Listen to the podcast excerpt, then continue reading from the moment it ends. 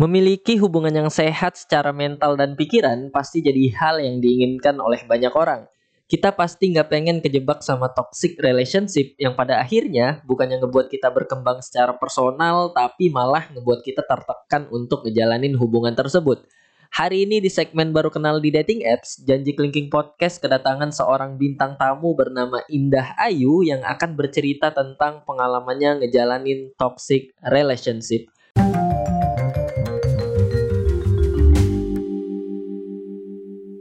Halo Indah. Hai Rahmat. Apa Hai. kabar nih? Bahasa basi TV banget ya.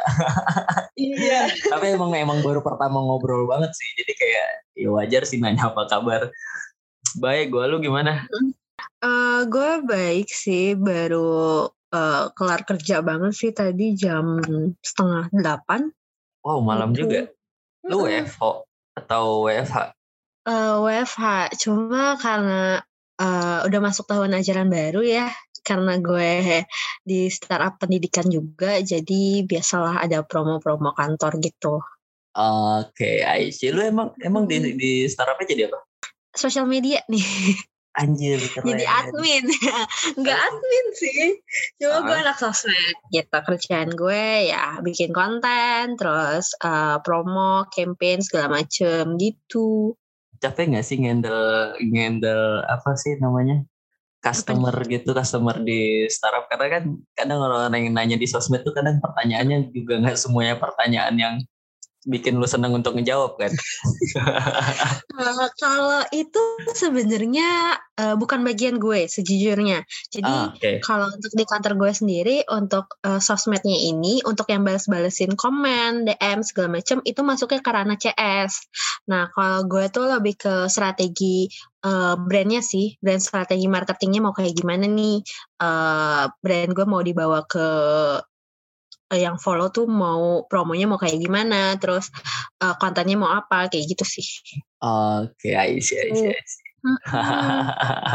ya udah Tapi gue sempet baca-bacain juga sih kalau misalkan lagi ada eh gue bikin naikin konten apa terus gue udah jelasin segala macam tapi masih ada yang ngeyel itu sebel sih sejujurnya.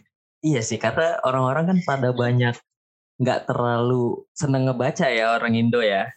Kayak Iya, kita apalagi ngejelasin, mereka juga Mm-mm. akhirnya malah makin banyak bertanya gitu. Padahal udah jelasin secara gamblang gitu.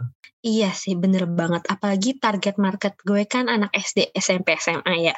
Seharusnya yang eh, anak SMA mungkin udah bisa baca gitu kan. Cuma kan anak SD, anak SMP kayak kak ini apa ya gitu. Iya harus sih, lu harus lebih lagi. sabar sih. Betul. Oke Indah, nah hari ini kan Hmm. Gua ngobrol sama lu kemarin sebelum eh, kita di Zoom ini sempat cerita-cerita kan tentang kayak gue ngajak lu untuk eh, ngobrol di podcast gua dan eh, ternyata lu juga punya satu topik yang pengen lu bahas tentang toxic relationship. Itu lu Mm-mm. eh, boleh ceritain dikit nggak pengalaman lo secara personal eh, ngehadapin yang namanya toxic relationship? Oke, eh, mungkin gue cerita dikit kali ya background gue, percintaan gue kayak gimana. Boleh, boleh. eh mungkin lo juga nggak tahu, gue ini eh pernah menjalin hubungan selama 8 tahun sama Wow. satu cowok. Iya, selama itu wow. eh bisa dibilang mungkin ini kalau kita ngobrolin masalah toksik atau enggaknya mungkin eh toksik tiap orang tuh beda-beda ya. Kayak misalkan gue ngerasa nih eh di hubungan gue toksik, tapi kalau misalkan di sudut pandang orang, ah enggak lah, lo biasa aja. Malah ada yang lebih parah. Biasanya kan kayak gitu. Mm-mm. Gue ngalamin toksik itu dari tahun ke satu sampai tahun kelima sih. Tapi mungkin Sejujurnya ya. Ah, ah. Mm-mm. Tapi mungkin kalau Eh, gitu dah apa? kita bisa definisiin dulu nih. Eh, maksud toxic yang yang lu alamin itu kayak gimana secara definisi yang akhirnya mungkin Hmm. orang jadi nggak juga sih apa yang yang lu anggap toxic dan sesuai sama sudut pandang lu yang ngalamin gitu. Oke, kalau gue ngelihat eh, hubungan ini toksik atau enggak, mungkin udah kayak masuk ke ranah eh, gue dilarang gitu loh. Kayak Hmm, eh, gue nggak boleh nih main sama A sama B atau gue ngelarang pasangan gue untuk lo nggak boleh ya sampai lo harus ketemu sama ini orang kayak gitu gue udah sampai tahap itu bahkan gue pernah ada posisi di mana gue pribadi nih sebagai yang toksiknya adalah uh, gue ngelarang mantan gue pada saat itu untuk jalan sama nyokapnya karena gue pengen banget ketemu sama dia itu menurut wow. gue nggak sehat sih karena uh, uh, uh. kayak uh, men itu orang tua kenapa masih lo larang gitu loh gue sem gue sempat ngalamin uh, posisi itu soalnya gitu itu menurut gue udah nggak sehat terus kayak uh, toxic yang gue alamin juga menurut gue ya hubungan udah nggak sehat itu kalau misalkan lo udah sama sekali udah ngancem kayak lo ke sana kita putus gitu, hmm. gitu kayak hmm. uh, lo ngelakuin A ya udah lo udah tahu alasannya gue nggak suka kalau misalnya sampai lo ngelakuin kita putus gitu maksudnya segampang itu ngomong kata putus tuh menurut gue itu toksik juga sih. Kan dan gue pernah ngalamin itu kayak di tahun satu sampai tahun keempat itu kayak ya udah putus nyambung putus nyambung putus nyambung gitu. Dan menurut gue pada saat gue kayak udah masa oh ternyata gue salah nih gitu. Gue kayak seharusnya tuh kata putus itu tuh nggak pernah ada dan kayak itu nggak boleh gue ucapin semarah-marahnya gue ya.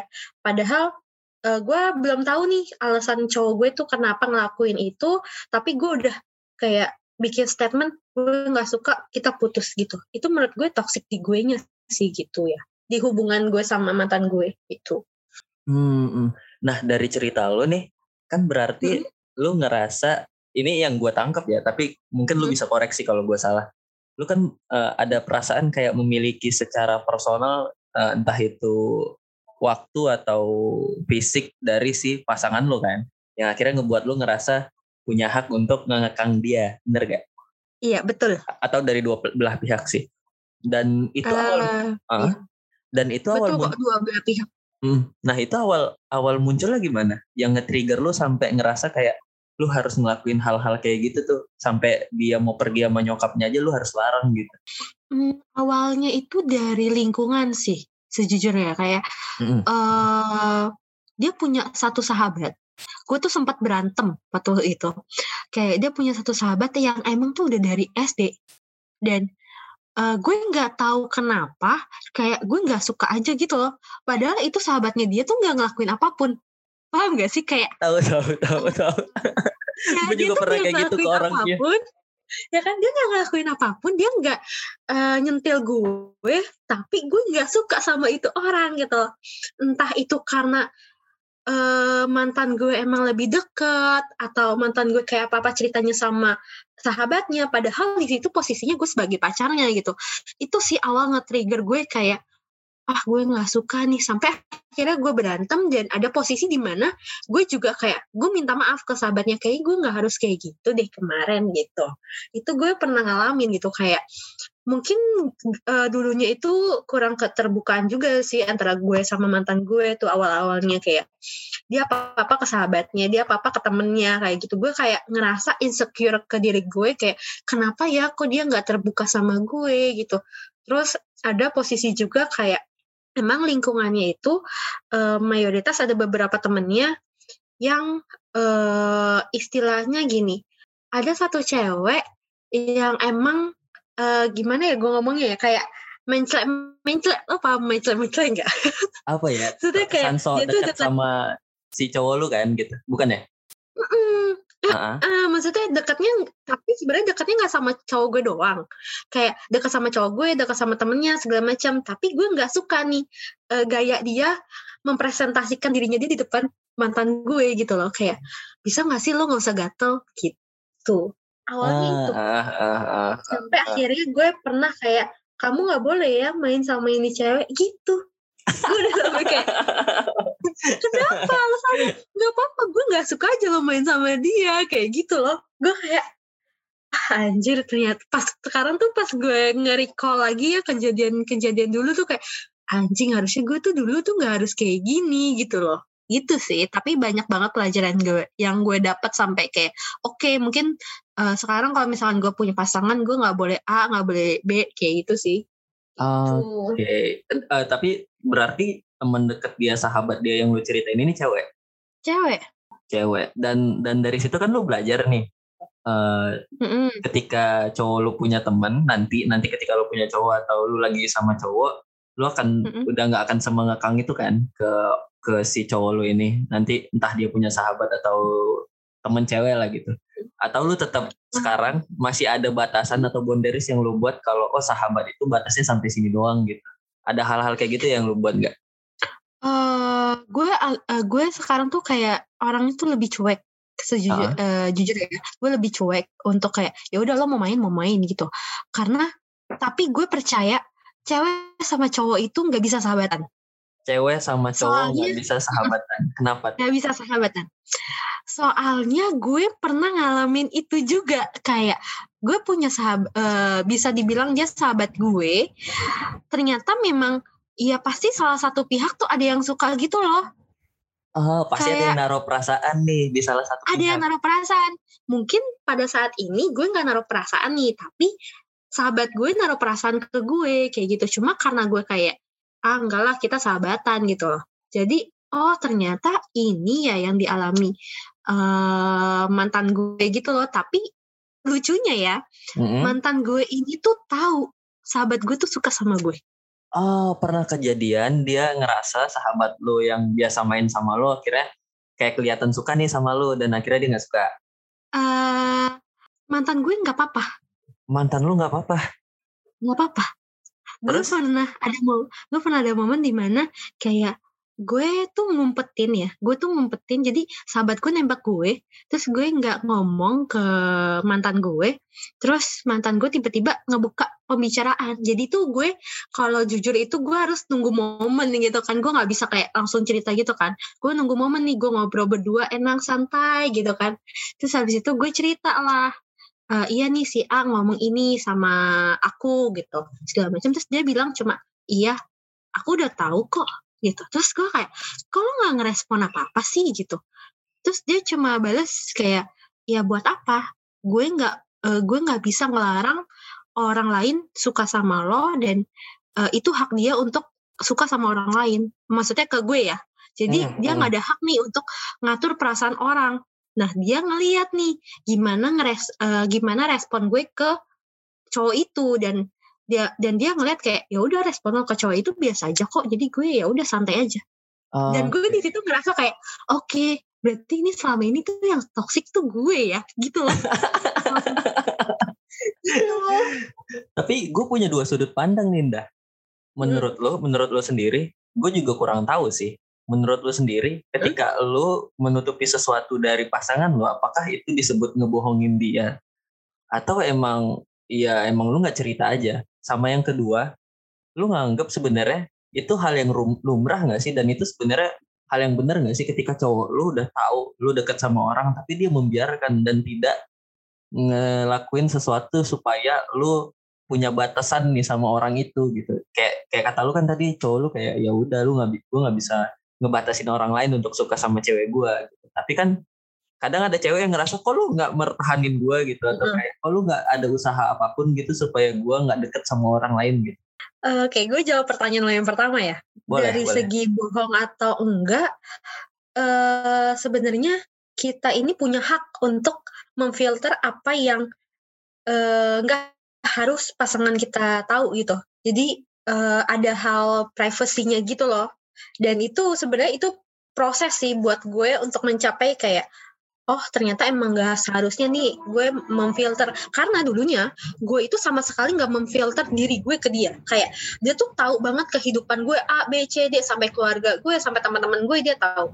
Tapi di satu sisi eh, dia memfilter itu ke gue. Kayak eh, misalkan dia ada masalah keluarganya segala macam pasti dia nge-keep dia dulu. Kalau emang dia nggak tahu eh, nggak bisa nyelesain dia pasti ceritanya ke gue kayak gitu. Dan kalau untuk masalah bohong atau enggak mungkin itu hal yang biasa ya buat gue. Pasti semua orang pernah bohong dan pasti semua orang akan jujur pada saat momen itu.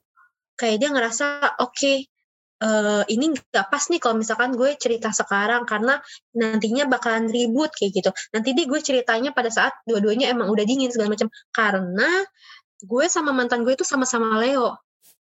Oh Jadi, berapi-api soal ya. tinggi ya gue jodoh banget nih anaknya gitu. Jadi Ah, kalau misalkan eh yang satu marah dan yang satu nggak ngediemin itu gue akan perang banget sih maksudnya Boleh, kayak gue Leo lagi. lu Leo ya Iya. iya lu tau kan Ya udah lanjut lanjut. dan gue tuh kayak oke jadi tuh selama pacaran awal tahunnya kayak pertama sampai keempat itu Leo sama Leo tuh selalu perang gitu loh kayak ya udah gue nggak suka ya udah lo mau nggak mau gitu harus ngikutin gue. Tapi di sisi lain yang satu ya nggak mau lo harus ngikutin gue kayak gitu. Cuma udah kayak udah makin lama berhubungan tuh kayak oh ya udah kalau misalkan dia marah atau dia bohong ya udah. Nah gue tunggu dia jujur atau enggak ke gue. Tapi kalau misalkan dia nggak jujur sama gue dan pada saat itu gue tahu gue pasti akan nanya kayak e, kamu bohong nggak sama aku tentang ini? Atau kayak ya cewek kan kayak mancing lah istilahnya kayak e, kemarin ke mana? Gitu. Misalkan nih dia main sama temennya terus dia nggak ngomong sama gue kayak kemarin ke mana? Enggak kok aku di rumah. Yakin. Pasti gue gituin. Kalau gue udah bilang yakin dia pasti tahu. Kalau misalkan gue tahu dia bohong. Kayak gitu. Gue kalau digituin keringet dingin sumpah. Yakin, aduh ketahuan. Gitu. Iya kan? Pasti tuh cewek kalau udah ngomong yakin bener enggak kayak gitu. Itu tuh pasti udah feelingnya tuh udah kuat gitu loh. Itu jadi kayak ya udah itu momen di mana lo pendewasaan sih lo mau bohong tapi lo mau jujur pada saat yang emang udah momen tertentu emang harus jujur atau enggak kayak gitu. Terus yang kedua tadi apa? Sorry gue lupa. Nah yang kedua sikap cowok lu yang membiarkan ceweknya dengan bebas kayak oh ya udah kalau cewek gua mau main sama siapa pun gue bebas. Dan kalau ada yang suka sama dia at least misalkan itu teman mainnya ya udah gue nggak masalah. Kalau emang dia diambil orang ya udah. Dengan sikap kayak gitu menurut lu itu hal yang wajar atau cowok itu sebenarnya nggak harus bersikap kayak gitu? Eh, nggak harus bersikap kayak gitu. Gue waktu itu sempat banget marah sih kayak kok lo nggak marah? gitu. Cuma di satu sisi kayak dia nyantai banget kayak ya gue tahu lo nggak suka sama dia jadi ya udah. Karena mungkin gini ya ada gue nggak tahu ya ini dari sisi cowok atau gimana. Cuma mungkin si cowok ini tuh punya kayak tahu gitu loh kayak ah elah dia bukan saingan gue gitu. Lo pernah nggak ada di posisi itu? Eh, pernah sih. Lebih ke karena iya sorry ya sorry ya. Kadang gue ngeliat kayak ah masih lebih baik gue gitu. Terus kayak dalam hati ah enggak enggak bakal lari cewek gue udah gitu. Itu itu yang dirasain mantan gue pada saat itu. Dan gue tahu kayak oh ya bener sih maksudnya kayak gue pasti akan milih lo bukan karena hal lama eh, gue pacaran sama dia ya. Cuma gue kalau hubungan ini tuh gue selalu melihat eh, lingkungan gue. Kayak oke orang tua gue udah deket nih sama ini eh, cowok. Terus gue juga udah deket sama eh, orang tua cowok gue gitu. Kayak gue nggak mungkin me, me- apa ya me- kalau gue misalkan gue putus gue waktu itu mikir kok kalau misalkan gue putus terus nanti yang sedih tuh nggak cuma gue tapi keluarga gue juga. Kayak gitu sih. Dan tapi menurut gue itu nggak hal lumrah sih. Hmm, mau nggak mau pasti lo sebagai cowok harus kayak eh ya udah lo ngakip cewek lo atau enggak lo ngomong langsung lah ke cowok itu kayak eh lo ada rasa ya sama cewek gue. Kalau gue sih pengennya di treat kayak gitu ya pada saat itu mungkin sampai sekarang gitu. Ah, jadi lebih kerasa diperjuanginnya ya. Betul. Nah berkaitan sama hal-hal kayak gitu kan itu juga berkaitan irisannya deket sama sifat kan ya anda hal-hal kayak gitu kan hubungannya sama sifat ya. Lu orang yang percaya nggak sih kayak ketika gue menjalin hubungan sama orang lain toh kalau dia punya sifat buruk misal ngebohong orangnya cuek segala macam lu akan berpikir kayak ah suatu saat sifat bisa berubah kok. Dia pasti bakal berubah. Lu orang yang kayak gitu atau kayak enggak enggak itu sifat yang udah nggak bisa diubah lagi. Gitu. Hmm, tergantung. Tahu nggak kenapa gue bilang tergantung? Gimana tuh Eh, gue punya si, eh, gue tuh punya sifat yang gue batu banget. Mm-mm. Gue orangnya vokal dan kalau gue nggak suka nggak suka gitu. Maksudnya gue bisa ngomong keras gitu loh kayak aku tuh nggak suka gitu. Tapi nggak cuma sama dia, tap- tapi sama keluarga gue juga. Dan eh semenjak gue pacaran sama mantan gue tuh gue belajar kayak dia tuh walaupun Leo tapi dia orangnya sopan banget cong jadi kayak eh sorry gue gak manggil lo cong kayak Nggak, udah nggak temen apa-apa, banget. nggak apa-apa, nggak apa-apa, nggak apa-apa. kayak eh, gue tuh sama dia itu kayak di, dikasih diajarin gitu loh kayak eh, kamu jangan ngomongnya jangan keras-keras itu orang tua gitu. Lama kelamaan gue ngobrol sama nyokap bokap gue itu sesopan itu. Maksudnya kayak udah nggak pernah kalau misalkan gue ngambek atau gue marah sama orang tua gue gue tuh nggak pernah nyautin dia sama sekali gitu loh kayak ya udah gue lebih baik gue di kamar gue nangis atau gue main game atau gue ngapain nonton ngapain segala macem nanti kalau misalkan emosi gue udah reda gue akan turun gitu. Itu sifat yang sebenarnya udah tabiat ya kayak uh, ambekan lah uh, keras kepala segala macem itu sebenarnya bisa berubah dengan berjalannya waktu. Tapi ada juga kalau sifat bohong menurut gue itu nggak bisa berubah sih. Hmm. apalagi sifat selingkuh itu nggak mungkin berubah iya bener. Gue orang yang yang yang setipe sama lu tuh. Kayak ngebohong iya. selingkuh itu gue kalau udah sekali kayak gitu gue cut. Gak ada urusan lagi. Lo cut kalau gue uh, ngasih kesempatan kedua? Kenapa lu harus ngerasa lu butuh ngasih dia kesempatan kedua? Karena pada saat itu gue masih sayang sama dia. Kayak ego sayang gue tuh lebih tinggi dibandingkan ego sakit hati gue kayak gue mungkin mungkin karena gue udah menjalin hubungan yang lama kayak gue tuh bisa ketemu setiap hari lo bayangin kayak tujuh per minggu bahkan kalau misalkan gue main sama dia orang tua gue nggak nyariin udah sampai ke tahap itu dan gue rasa sayang gue tuh lebih tinggi dibandingkan itu dan Berarti. akhirnya ya udah hmm? gue pernah diselingkuhin kayak akhirnya ya udah dia minta maaf segala macam ya udah gue maafin oh, oke okay. uh. tapi ya itu insecure gue, kepercayaan gue makin berkurang. Dan gue sempat kayak lo pernah gak sih ngejalanin hubungan yang kayak aku harus tahu password IG kamu gitu. Pernah pernah gak? pernah pernah. ya, itu nggak sehat gue harus tahu nih password IG gue uh, lo apa gitu. Bahkan sampai ke email tuh gue punya loh. Gue tuh punya email punya Instagram. -huh. sih uh, waktu itu zaman nggak main Twitter, cuma email sama sama Instagram. Jadi kalau misalkan dia naik Gojek, naik dia naik Grab atau dia habis ngapain di email itu, gue gue tahu. jadi dia jadi dia jalan ke mana lu juga bakal udah tahu ya? Tahu. Dulu tuh zaman zamannya Zenly, lu tahu Zenly kan? Tahu. Itu kalau lu sekarang, bisa nge-tracking orang-orang yang ada di lingkungan lu kayak ah sini lu hari ini gitu. Sumpah, iya gue tuh punya Zenly dulu bahkan nih kalau dulu kan gue masih pakai Android ya kayak Android uh, Android gue karena emailnya dia masuk ke email eh ke HP gue jadi kalau misalkan dia nggak balas chat gue atau gue bisa nge-tracking uh, HP-nya dia ada di mana Sumpah gue hmm. setoksik itu, Cok. Wow, wow, wow, wow. Gue jadi serem. Gue jadi serem. gue tuh udah sampai tahap itu kayak saking gak percayanya gue kayak karena gue udah diselingkuhin ya gue kayak ya udah nih uh, waktu itu tapi gue nggak minta kalau untuk email gue mintanya Instagram. Ya waktu itu masukin email karena dia pengen apa ya tugas apa gitu terus dia masukin ke HP gue. Jadi kayak oh ya udah udah masuk ya udah nggak bakalan gue logout gitu loh Oh, kayak ya udah. Uh-uh. Jadi kayak ya udah akhirnya uh, gue cari tahu kan gimana ya cara ngetrack orang gitu kan. Waktu itu masih belum Zenly.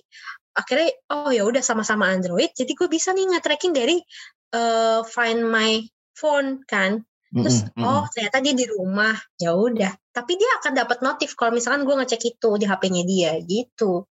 Tapi apakah yang lo yang lo lakukan akhirnya terbukti benar gitu ndak? Ketika lo kayak ah ya udah kalau uh, pasangan gue selingkuh gue akan maafin kasih dia kesempatan kedua dan dan ketika gue kasih kesempatan ternyata dia beneran berubah. Hmm, enggak. Dia sama aja. Enggak. Sama aja. Bahkan uh, gue kemarin tuh bisa dibilang uh, enggak diseling bisa dibilang diselingkuh sama enggak sih. Karena uh, gue tuh putus itu uh, pada saat tahun lalu ini gue baru putus banget sih. Uh, bulan apa ya? Bulan Maret itu tuh gue lagi hektik banget di kantor. Uh, terus abis itu buat persiapan tahun ajaran baru terus abis itu uh, posisi di mana mantan gue ini dia baru resign dari tempat kerjanya dia masih nyari kerjaan segala macam terus gue tuh tipe orang yang kadang kalau emang gue udah fokus sama kerjaan gue tuh suka lupa balas chat orang gitu. Iya iya iya. Dan tahu tuh rasanya. Dia, ah. Iya kan. Dan dia tuh lihat gue online, tapi gue nggak bales. Nah, padahal di posisi di posisinya adalah gue online buat balesin chat grup kantor kan, kan gue lagi Iya. kerja kan. Iya bener bener Gitu. bener. Betul dong, kan masuk nih di laptop kan WhatsApp segala macam. Nah, eh, gue tuh setiap ngabarin dia kayak aku udah di rumah ya, gitu doang malam terus tiba-tiba gue tidur. Terus besok paginya gue kerja karena emang project yang gue handle waktu itu tuh gede banget dan PIC-nya gue jadi mau nggak mau kayak ya udah gue punya tanggung jawab di sini. Akhirnya eh, gue break, eh, dia ngajakin gue break buat kayak eh, nyelesain masalah masing-masing ya udah deh lo kerja kerja aja dulu gue ngurusin masalah gue gitu.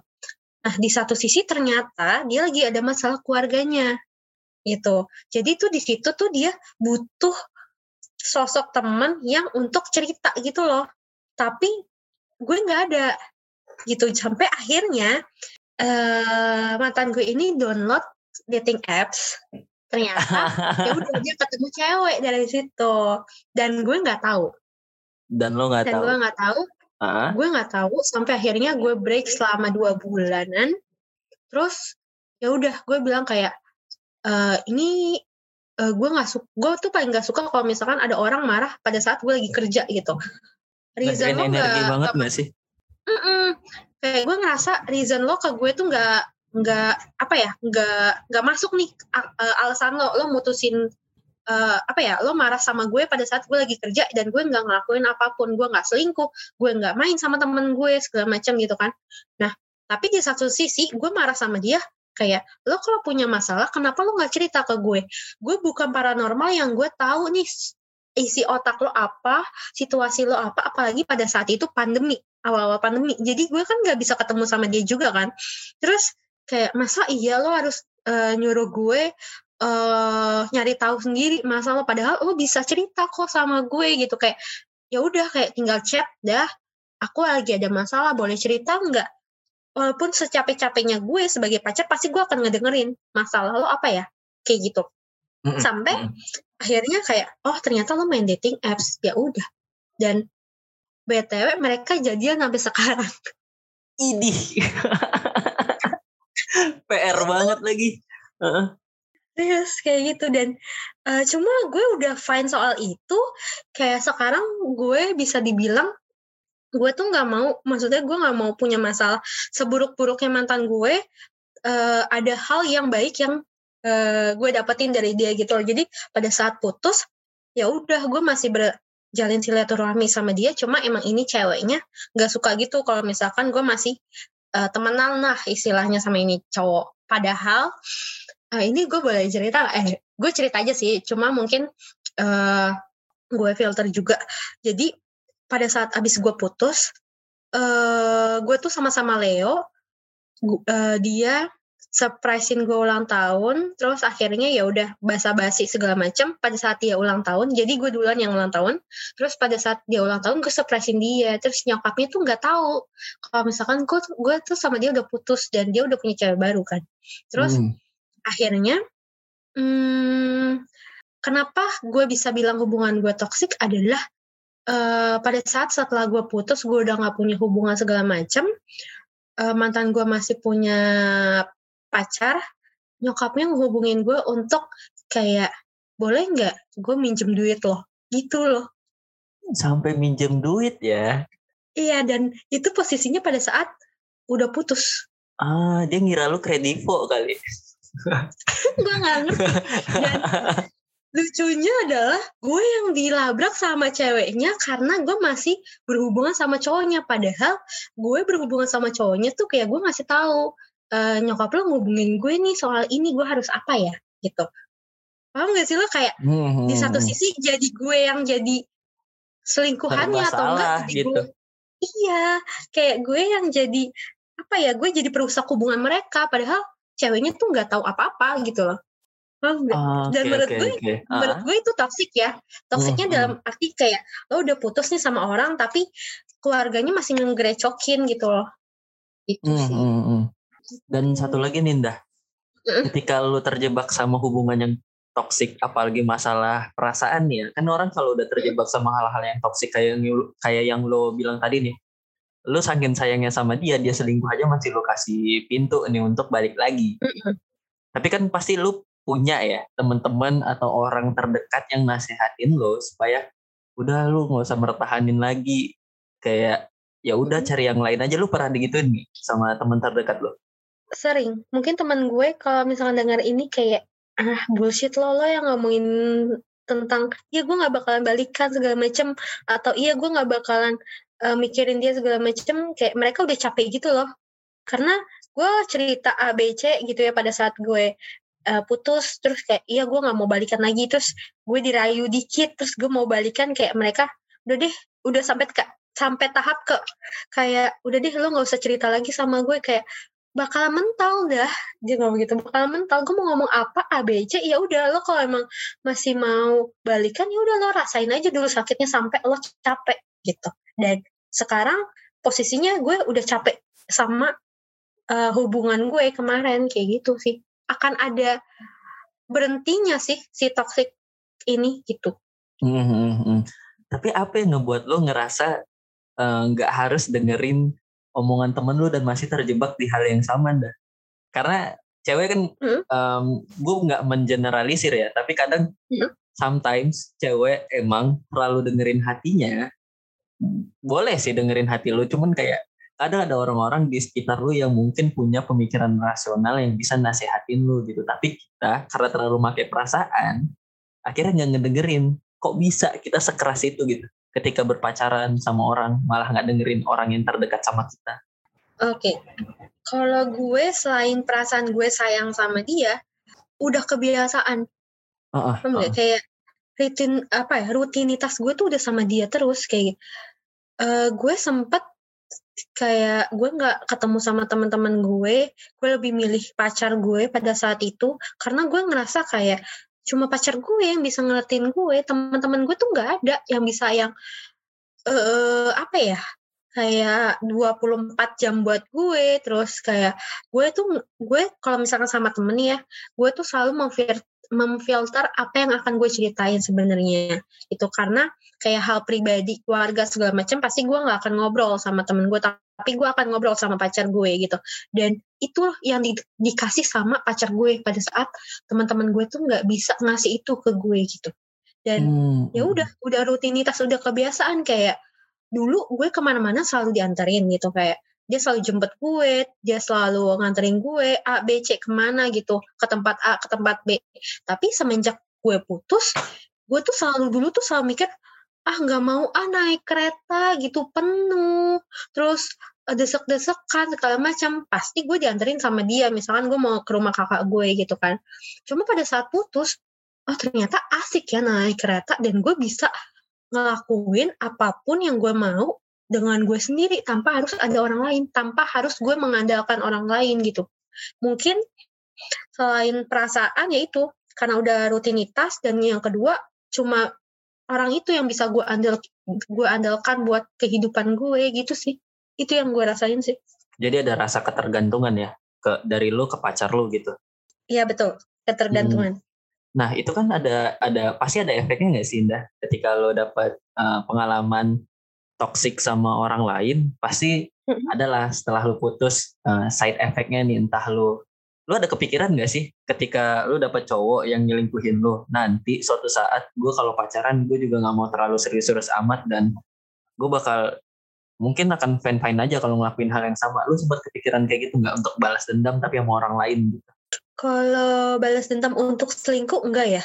Karena gue nggak mau juga diselingkuhin. Cuma kalau misalkan untuk kayak uh, umur gue kan sekarang ya gue tahun ini 25 gitu kan kayak nyokap hmm. bokap gue tuh kayak udah bilang kapan kapan gitu cuma gue tuh sekarang susah gampang eh susah percaya sama cowok maksudnya uh, uh. kayak uh, kayak misalkan gue dekat sama A gitu gue sempat dekat juga sama orang lain kayak ya gue nggak bisa percaya 100% sama lo gitu. Kalau misalkan lo bo tapi kalau misalkan dia bohong dan gue tahu, gue kayak ah oh, ya udah deh. Gitu. Kayak ya udah deh kan gue juga nggak akan serius sama dia gitu loh gue. Bahkan sampai teman-teman gue ya yang hmm. tahu uh, jalan percintaan gue kayak tahu lengketnya gue sama mantan gue kayak gimana pada saat gue putus, mereka tuh kayak lu nggak nyesel apa? Ngebuang waktu-waktu mesti ngebuang waktu lo 8 tahun sama satu cowok gitu. Padahal lo bisa ketemu cowok lain. Karena uh, selama 8 tahun itu gue sama sekali nutup mata nutup kuping nggak nggak ngelirik cowok. Paham gak sih lo? Kayak ya Iya, udah hidup iya, gue iya. buat lo aja gitu. Ya sekarang ya itu. Dampaknya adalah gue nggak percaya sama cowok dan gue eh males untuk kayak say hi kayak iya kenalan lagi tuh sebenarnya gue males. Nah Ah, kenapa oke.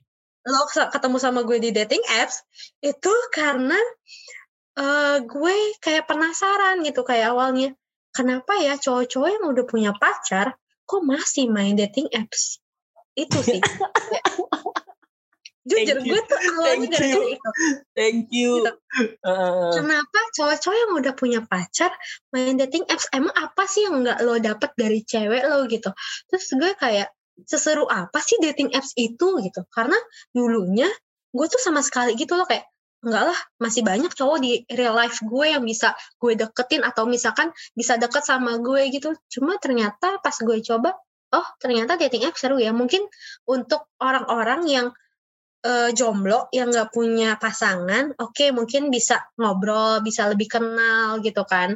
Ada temen ngobrol, ada temen chat segala macam. Cuma gue sampai saat ini gue masih belum menemukan alasan kenapa cowok yang punya pacar masih harus main dating apps itu sih.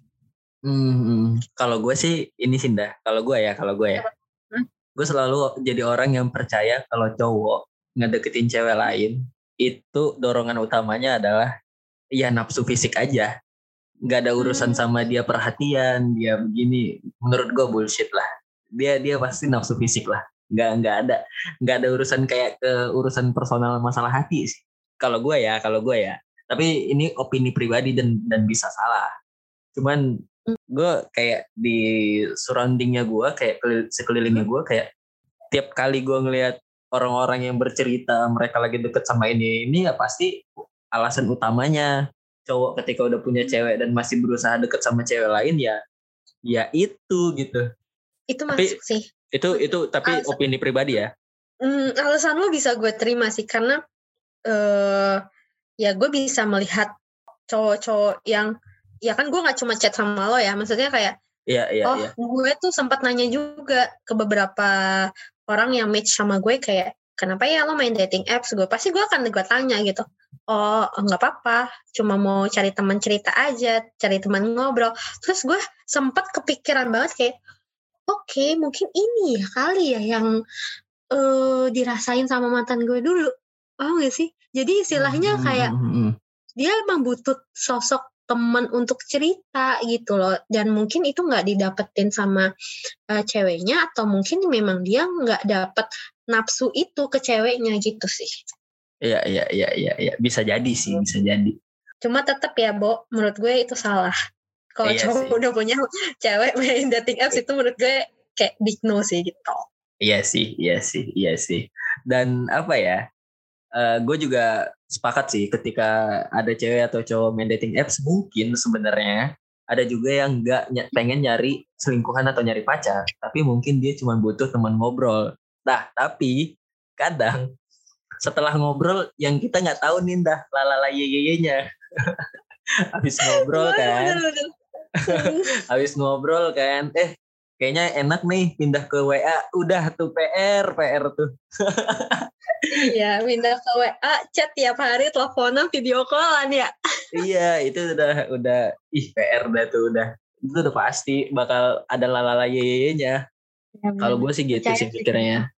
Nah kalau dari lu Ninda lu kan tadi juga um, akhirnya mulai jadi ngefilter lagi kan orang-orang yang deket sama lu gitu setelah lu putus. Mm. lu berarti sejauh yang gue nangkap sampai sekarang berarti lagi proses healing juga dong? Atau Eh, gimana? healing banget sih. Ini sebenarnya boleh lo siarin boleh boleh enggak sih setelah ya dulu sebenarnya lo percaya nggak? Gue tuh hijaban Mm-mm, mm-mm, mm. dulu tuh gue hijaban eh, sampai akhirnya kayak gue tuh nggak percaya sama semua orang. Gue nggak percaya sama keluarga gue gue nggak percaya sama teman-teman gue karena kayak emang gue kurangnya apa sih? Gue tuh udah sampai tapi tuh kayak emang gue kurangnya apa sih mantan gue kenapa begini banget ya sama gue? Maksudnya se sejahat ini ya sampai sama gue sampai gue kayak ada tahap uh, gue dapat bantuan dari profesional uh, sampai dari bulan apa ya gue? Dari bulan September tahun lalu sampai gue akhirnya menstop itu di bulan Maret kemarin. Mm -hmm. gitu. Kayak ya udah kayak proses healing gue dan uh, pada saat kayak oke okay, mungkin lo ada rasa kayak pada saat putus gue mau tampil beda nih gitu. Kayak gue nggak percaya gitu. Karena uh, kalau gue ya dulu gue berhijab gue pengen karena itu kemauan gue sendiri. Gue tanpa gue disuruh orang tua tanpa gue uh, ngelihat teman gue hijaban terus gue hijaban nggak kayak gitu. Itu emang kemauan gue sendiri pada saat gue memutuskan untuk gue lepas itu juga kemauan gue sendiri gitu. Dan gue merasa gue nggak tahu mungkin ini salah kali ya. Sal, gue, gue ngerasa ini salah banget karena pada saat gue lepas hijab gue ngerasa diri gue agak lebih damai. Kayak gue bisa menerima um, mantan gue sekarang sama ceweknya terus gue bisa menerima oke okay, ternyata gue nggak seburuk itu kok. Gue punya value yang bisa gue bawa ke orang lain dan gue bisa berdiri sendiri tanpa gue harus mengandalkan orang lain gitu sih. Hmm, oke. Okay. nangkep nangkep nangkep nangkep nangkep. Dan oh. gue punya satu hal lagi yang gue dari dulu pengen banget tanyain Indah sama cewek. Boleh. Kenapa cewek kalau putus pasti ada perubahan dalam fisiknya entah dia motong rambut, rambutnya diwarnain atau ya hal-hal lain yang berbau fisik? Uh, mungkin dia kayak pasti kalau misalkan diselingkuhin kasusnya misalkan ya diselingkuhin gitu kayak dia pengen nampilin bilang kayak gue baik-baik aja kok itu ya pertama. Terus yang kedua gue cantik ini loh masa lo masih rela sama orang lain? Gitu loh. Kayak ada uh, rasa uh, uh pengen show off gitu. Iya betul gitu. Kayak gue bisa kok segala macem gitu loh tanpa lo ya gue bisa dapetin yang lebih emang lo doang gitu loh. Uh, uh, uh, tapi ada ada kecenderungan tendensi ke arah lu merubah fisik lu supaya mantan lu notice lu lagi gak sih? Atau emang ya buat senang-senang diri lu aja? Um, Kalau ini ini cewek ya, ini gue nanya cewek ya, bukan ke lu. Maksudnya elunya personal lu ya. Mungkin mayoritas bisa uh, kayak agar dinotis sih sama si mantannya pasti kan gini ya walaupun lo udah putus sama orang pasti lo masih kepoin orang itu gitu loh. Kayak masih harus tahu kayak dia habis ngapain ya kemarin ya kok dia nggak galau sih yang gue putusin atau dia kok biasa aja sama gue segala macam pasti ada kekepoan itu di salah satu pihak dan yang satu pihak ini sebagai cewek kayak ngerasa oke okay, gue mau pamer ah sama cewek sama cowok uh, sama mantan gue gitu jadi buat kayak mantan gue nyesel nggak ya mutusin gue gitu sih oh berarti itu alasannya story gue banyak akun-akun yang ada angka-angkanya belakangnya. enggak enggak bercanda bercanda. Bercanda bercanda itu gue bercanda enggak ada enggak ada enggak ada. Tekan ya, Bun. enggak enggak gue bercanda bercanda. Nah, terakhir nih dari gue Ninda boleh dong lu kasih satu uh, pandangan lu untuk orang yang mungkin lagi ngejalanin toxic relationship atau berusaha keluar dari toxic relationship supaya mereka nggak terjebak di dalam situasi yang kayak gitu terus. Hmm, oke. Okay. Ini agak berat sih. Karena kadang tuh nggak masuk ke mereka juga kan. Cuma mungkin gue bisa bilang kayak uh, kalau emang lo udah tahu hubungan hubungan lo nggak sehat dan uh, lo tahu nih pasti lo ada perasaan kayak ini kayak nggak bisa akan jalan terus deh gitu.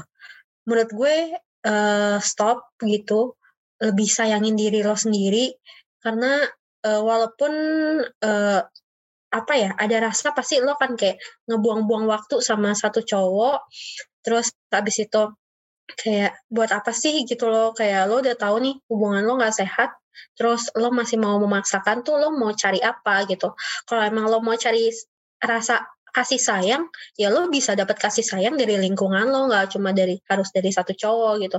Kalau emang lo butuh perhatian ya lo bisa dapat perhatian dari banyak orang gitu. Sayangin di gue cuma bisa pesen kayak sayangin diri lo sendiri sih jangan sampai lo menyesal kayak oh ternyata gue salah ya kemarin tuh gue kayak gini uh, udah bergant apa ya udah berkegantungan dengan satu orang kayak gitu. Kalau untuk yang keluar terus susah kayak uh, sebenarnya nggak susah cuma karena lo nggak mau aja gitu. Kalau emang uh. lo mau kalau emang lo mau lo bisa kok keluar dari situ gitu loh. Nggak ada kata susah dan nggak nggak ada kata nggak bisa karena walaupun lo kayak misalkan gini gue bilang lo bisa tapi hati lo masih nggak mau dan lo tahu ini toksik ya lo tetap nggak akan mau gitu dan ya menurut gue lo temuin dulu nih kayak sisi capek lo udah sampai mana dan lo dan gue yakin itu pasti akan bisa keluar gitu sih dengan adanya kemauan kemauan dari diri, diri lo sendiri gitu. Oke okay, gitu. oke. Okay. Jadi kalau gue bisa simpulin um, sebenarnya lo nggak harus bertahan di posisi lo yang ada di hubungan yang toksik. Lo bisa temuin value lo dan lu juga bisa bangun kok nemuin orang yang kenal dan tahu serta mau nyari tahu tentang value lu sebagai manusia gitu sebagai orang yang yang layak untuk disayangi yang layak untuk diajak berkembang bareng dan nggak cuma jadi objek supaya lu makin meragukan diri lu sendiri nggak sih? Kayak kan kadang di hubungan yang toksik malah kita ketika sama cowok nih si cowok yang ngelakuin mm-hmm. sesuatu ngebuat kita ngerasa bersalah sendiri padahal mungkin bukan salah kita dah sebagai cewek. Kayak gue kurangnya apa? Gue gue udah kayak gini kayak gini kayak gini kok dia masih kayak gini? Jadi nyalahin diri sendiri ke dalam padahal bukan salah lu gitu. Betul dan itu kan sifat insecure lo muncul kan? Dan itu ya, ya, ya, ya. gak baik gak baik buat diri lo gitu. Itu gue setuju sih sama lo gitu. Oke nah jadi buat lo semua yang lagi dengerin janji kelingking podcast dan misal lo ngerasa terjebak di toxic relationship udah lu selesain aja hubungannya lu bisa nyari yang lain dan lu punya value untuk dilihat sama orang lain. Dan lu nggak perlu bergantung sama satu orang yang nggak nggak ngeliat value lu. Gitu sih. Iya. Gue boleh nambahin satu nggak? Boleh boleh boleh. Mungkin ini buat orang-orang yang kayak toksiknya kayak gue tuh udah pacaran lama banget sama dia gitu kan. Sampai 8 tahun sampai 7 tahun. Asli itu cuma sebagai angka doang. Kalau emang lo ngerasa uh, hubungan lo udah toksik tapi hubungan lo udah lama banget kayak 10 tahun 9 tahun tapi lo tahu ini toksik banget lebih baik menurut gue tinggalin sih. Karena yeah, yeah, yeah. ya itu yang udah nggak udah nggak sehat udah nggak nggak ada value buat lo diri lo sendiri untuk berkembang gitu sih. Karena pacaran lama atau enggaknya itu cuma sebagai numbers aja. Anjir thank you Indah. Thank you banget udah ngasih statement terakhir untuk orang-orang yang dengar dan mungkin lagi di toxic relationship. Indah, thank you banget waktunya udah mau sharing di podcast gue. Sama-sama, thank you. Thank you Clinkers for listening to our podcast. We upload every Wednesday and Saturday at 7 p.m. Stream us on Spotify, Anchor, or Apple Podcast. See you on the next episode.